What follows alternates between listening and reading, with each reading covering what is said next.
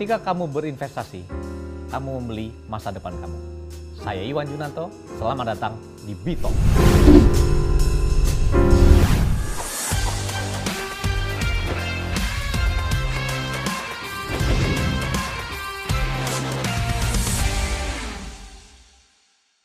Beberapa waktu lalu, ada lagu populer diperkenalkan oleh DJ Khalid. Judulnya Young Dumb and Broke. Semacam satir atau sindiran kepada anak-anak muda. Bahwa kebiasaan anak-anak muda itu adalah melihat sesuatu dalam jangka pendek. Tapi tidak memandang masa depan. Sehingga mereka broke. Ini bisa digambarkan juga pada bagaimana milenial, anak-anak muda itu dalam berinvestasi. Ataupun yang tua, karena yang tua pernah muda juga. Jadi ketika investasi dulu uh, lupa memikirkan masa depan sehingga akhirnya broke. Nah, hasil survei banyak sekali mengatakan milenial-milenial atau anak muda gitu hampir sebagian besar tidak punya strategi investasi. Bagaimana sebenarnya investasi yang tepat atau yang bijak untuk melihat masa depan kita agar masa depan kita dapat terjaga. Telah hadir di ruangan saya nih Bang Tigor Siagian. Beliau ini deputi direktur di Bank Indonesia, tapi juga ahli investasi. Beliau ini sering menjadi rujukan untuk investasi, pengisi kolom investasi di majalah internal Bank Indonesia, majalah Kompak. Nah, saat yang tepat, selamat datang Bang Tigor. Uh, ini kan banyak sekali anak-anak muda, milenial, juga di BI maupun di luar. Ini sekarang nih galau kadang-kadang. Saya ini mau investasi gimana sih kondisi seperti ini? Ini Bank Indonesia kita lihat setelah menurunkan suku bunga kebijakan, suku bunga turun, tapi perang dagang, ekonomi gloomy, pertumbuhan katanya stagnan, investasi seperti apa? Nah, kalau kata DJ kali tadi yang Damenok enjoy aja masa muda, ya gak? Anak muda, milenial biasanya enjoy. Enjoy aja lah kita nikmatin terus masa depan ya kayak sera-sera, whatever will be will be. Kira-kira bener nggak sih gimana sih caranya pentingnya investasi untuk milenial ini gimana kira-kira? Sebenarnya mau milenial atau Gen X, Boomer sama aja sebenarnya. Sama aja. Jadi ya? sebenarnya generasi itu ya tergantung tujuannya. Ya. Hmm. Kalau generasi milenial ini kan keuntungannya adalah maksudnya waktu panjang. Ah. Masih muda, waktu panjang. Sahabat kita untuk investasi adalah waktu. Hmm. Jadi kita pilihannya ya memang tadi saya Mas Iwan katakan kita membeli waktu di depan. Hmm. Nah waktu itu artinya apa? Artinya kita dengan kita berinvestasi sekarang kita bisa tidak perlu bekerja lebih panjang hmm. karena itu adalah uh, imbalannya, gitu ya. Hmm. Jadi uh, investasi untuk jangka panjang. Hmm. Gitu. Nah sekarang ini kan sudah banyak sekali produk-produk. Hmm. Ada reksadana, ada saham, hmm. ada hmm. asuransi. Ya. Gimana caranya kita tuh ya yang enak tuh apa sih yang saya perlu lakukan gitu sebagai pemula nih, nah, mau investasi? Jadi sebenarnya ya pertama tujuan lu apa gitu, hmm. gitu kan. Hmm. Jadi yang paling gampang gitu tujuan apa. Hmm. Jadi masing-masing uh, milenial ini kan ada dari umur 20, hmm. sekarang kalau nggak salah milenial paling tua 38 tahun. Gitu. Yeah. Jadi itu bagi dua misalnya. Nah. Ada milenial yang muda, ada muda. yang udah agak menua. Iya, milenial. Kayak saya gini ya. Beli kolonial. Ini ya, milenial, milenial. Jadi uh, kalau yang masih muda, masih mulai karir, ah, ah. menurut saya pendapatan lebih sedikit. Ah. Ya kan? Jadi pilihan-pilihan investasinya juga terbatas. Hmm. Kalau yang sudah mulai memasuki karir lebih, lebih panjang, itu pendapatannya mungkin lebih tinggi. Hmm. Dia, dia punya pilihan lebih banyak. Hmm. Jadi mungkin pertama adalah tentu saja tujuan apa. Ah. Tentu saja yang pertama kalau kalau investasi itu adalah menyiapkan dana darurat dulu. Gitu ya. Darurat dulu artinya kalau terjadi apa-apa kita punya dana punya. untuk dikonsumsi, untuk dipakai uh-huh. gitu ya. Misalnya. Artinya dari penghasilan kita nih, ya, kita harus sisihkan dulu dana darurat. Darurat dulu. Jadi istilahnya hmm. kalau kalau uh, layer atau lapisan, uh, fondasi awal tuh harus dana darurat dulu. Jadi setelah kebutuhan sehari-hari hmm. ada dana darurat. Dana darurat. Nah, ini yang digunakan sisanya baru digunakan investasi. Belum dulu. Oh, belum dulu. Belum dulu. Oh. Jadi ada dana darurat kemudian proteksi. Oh. Nah, terutama yang sudah memiliki tanggungan. Jadi uh. kalau proteksi atau asuransi itu kalau misalnya kita bujang, uh. gunanya. Iya kalau nggak ada yang tanggung kan kalau ada misalnya terjadi apa-apa tidak ada yang uh, di ditanggung. Tanggung. Nah kalau sudah memiliki pasangan, dia menikah, punya menikah, anak atau punya anak ya ada kan. Gitu. Nah itu hmm. harus ada proteksi. Hmm. Lapis kedua adalah proteksi. Hmm. Nah, sisanya baru itu tergantung tujuan lagi. Hmm. Misalnya kalau kita punya tujuan hmm. um, ingin beli rumah, hmm. itu satu salah tujuan. Ingin menyolakan anak nantinya, yeah. itu tujuan lain lagi. Yeah. Ingin masa pensiun. Jadi uh. untuk investasi pun ada berlapis-lapis lagi. Oh gitu. Jadi tergantung kita maunya apa nih. Jadi memang penempatannya harus sesuai dengan tujuan. Uh. Kalau tujuannya dana darurat kan harus bisa sewaktu-waktu dipakai. Yeah. Berarti itu harus di tabungan. Tabungan. Atau uh, deposito jangka pendek. Uh. Kemudian kita mau menyolakan anak dalam tiga hmm. tahun, berarti hmm. harus deposito juga yang jangka pendek. Jangka pendek. Kalau untuk yang masa pensiun panjang, misalnya 10-15 tahun, bisa yeah. uh, obligasi negara. Beli obligasi negara. Obligasi retail. Yeah. Atau set, atau reksadana yang underlying-nya, hmm. isinya itu yeah. saham, atau pendapatan tetap obligasi negara. Jadi memang disesuaikan dengan uh, kebutuhan kita. kebutuhannya. Kalau pendek ya pendapatan pada jangka apa instrumennya pendek, yang semakin panjang juga oh. semakin panjang. Kalau saham sendiri gimana tuh? Kalau saham itu memang untuk yang jangka panjang. Gitu. Jangka panjang. Jangka panjang. Jadi saham itu memang di atas 5 atau 10 tahun, tahun. gitu. Terutama karena itu uh, apa namanya kan saham itu sangat related dengan pertumbuhan ekonomi. Ekonomi, gitu. ya. Jadi, jadi harus view-nya harus, harus panjang. Jangka gitu. panjang. Dan jadi, itu kalau untuk masa pensiun, hmm. untuk apa namanya masa tua itu okay. paling cocok adalah saham. saham. Gitu. Jadi tadi ada deposito, deposito jangka pendek, ya. terus kemudian reksadana, ya. terus kemudian agak jangka panjang dikit saham, ya. gitu kan. Jadi reksadana ada juga reksadana saham. Reksadana saham. Ya, Betul. Ya, saham langsung maupun reksadana saham. Gitu. Oke. Okay. Jadi itu pilihan-pilihan investasi secara konkretnya kalau ya. kira-kira sobat rupiah ya. ingin uh, melihat uh, time frame-nya. Time frame, betul. Tapi kalau saya juga termasuk namanya anak muda kan uh, pengen juga jalan-jalan. Hmm.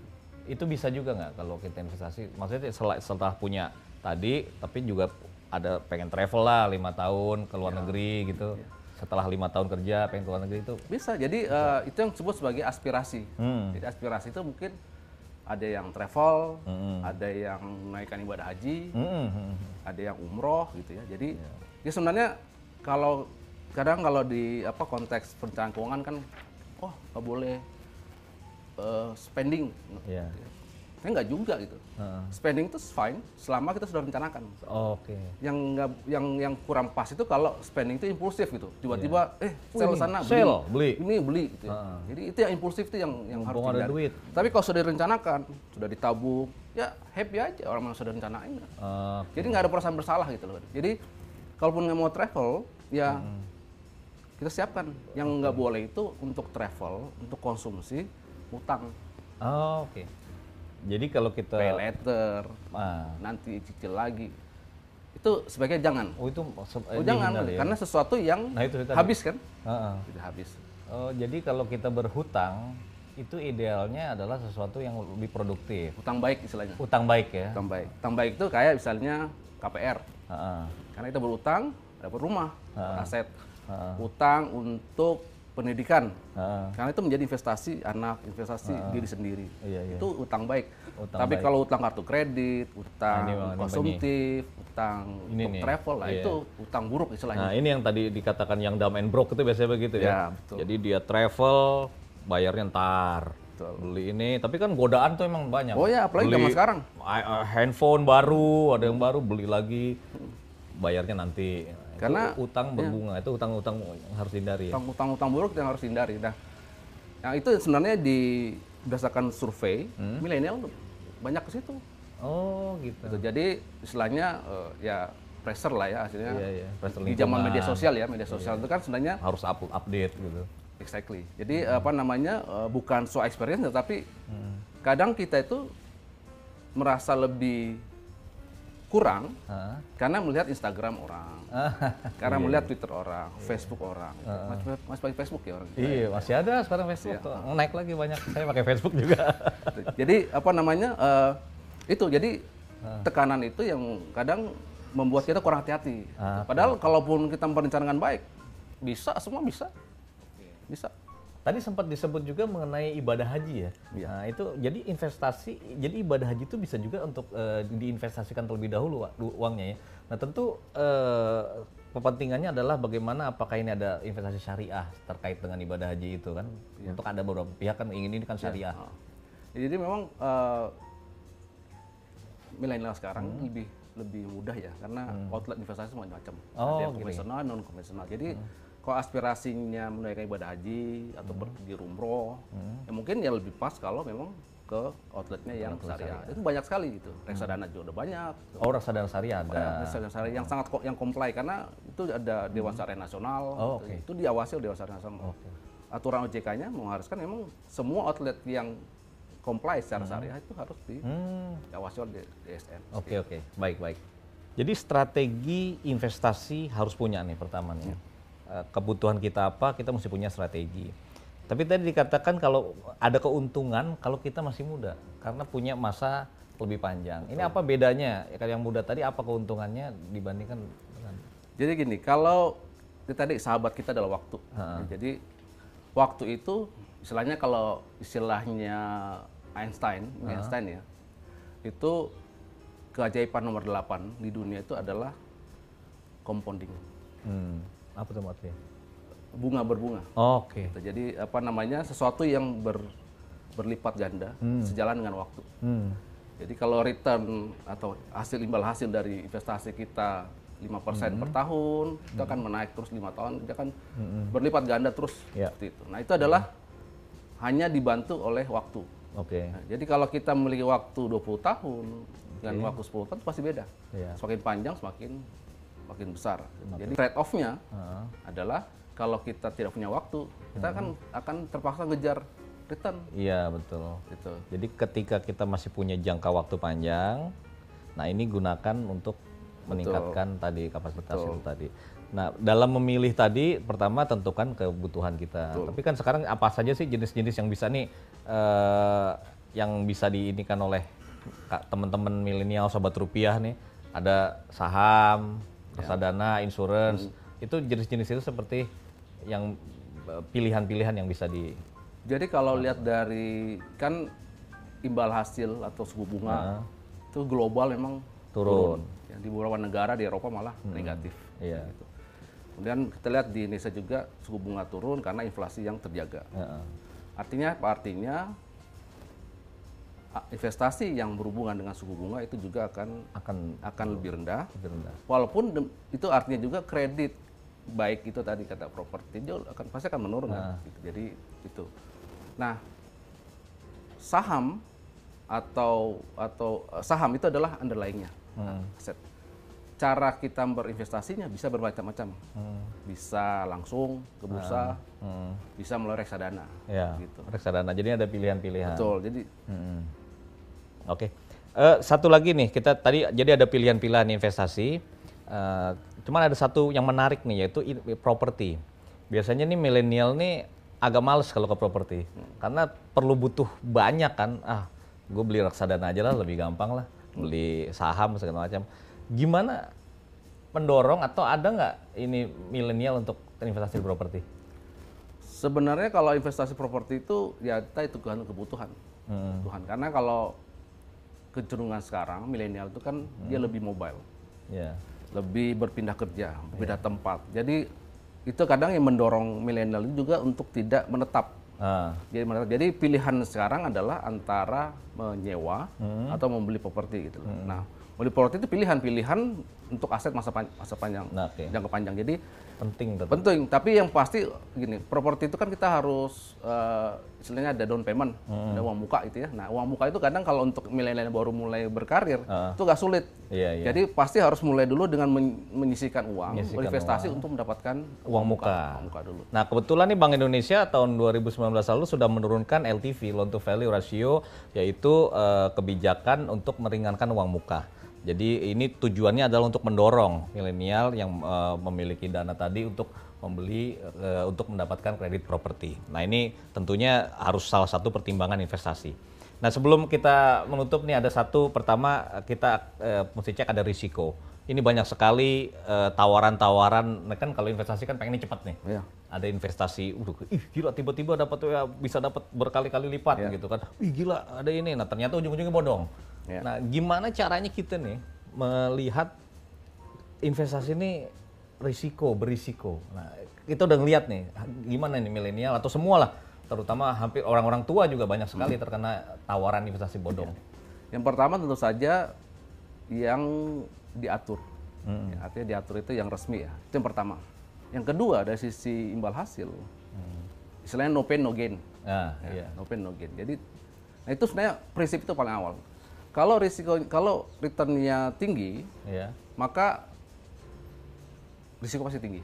Yeah. Kalau risikonya tinggi ya, kalau kalau semakin return semakin tinggi dari mulai risikonya uh, okay. turun hmm. hingga bodong. Uh -uh. Gitu. Jadi apa namanya uh, dari returnnya kita bisa langsung melihat. Kalau yang nggak masuk akal itu mudah sekali. Mudah masih. Itu nggak nggak mungkin. If it's too good to be true, then it's not true biasanya betul, begitu. Betul. Ya. Uh, uh, jadi kalau sesuatu kelihatan itu begitu indah, ini biasanya ada sesuatu di belakang. Ya. Jadi artinya kita harus berhati-hati uh, kalau tawarannya begitu uh, menarik hmm. atau sangat uh, gede sekali untungnya harus berhati-hati. No pain no gain. Pasti risikonya juga besar. Jadi itu tadi yang uh, diskusi kita dengan Bang Tigor uh, Siagian. Nah, kita akan uh, tadi sudah bicara mengenai uh, investasi, kemudian dampaknya bagi milenial. Kemudian uh, ini sebagai penutup nih, ada tips-tips nggak buat uh, tips aman buat sobat rupiah dan kira-kira tips aman ini jenis investasi aman apalah yang kira-kira bisa disampaikan dan tentunya tips-tips uh, ini nanti bisa jadi pegangan sobat rupiah dalam berinvestasi. Jadi sebenarnya pertama adalah kita harus belanjakan lebih sedikit yang dari kita terima. Karena kalau tidak ada yang disimpan, apa yang mau diinvestasikan? Itu, pertama. Yang kedua, sisihkan untuk dana darurat. Karena kita nggak tahu apa yang akan terjadi, likuiditas yang dimiliki. Yang ketiga adalah proteksi. Jadi proteksi, kalau sudah punya tanggungan, itu harus ada asuransi. Nah keempat, kalau kita investasi, jelas. Karena kan milenial ini sangat melek teknologi ya. Jadi gunakan uh, apa mesin pencari gitu ya. Jadi kalau kita ada ada apa uh, tawaran-tawaran uh, investasi, pertama masuk ke uh, websitenya Otoritas Jasa Keuangan, bisa mencari sumber-sumber yang bisa dipercaya. Itu yang pertama. Yang kedua, review. Karena di zaman media sosial seperti ini itu review banyak sekali. Jadi kita bisa melihat dengan mesin pencari itu bagaimana review tentang satu uh, jenis investasi Nah itu kemudian ya tentu saja secara rutin.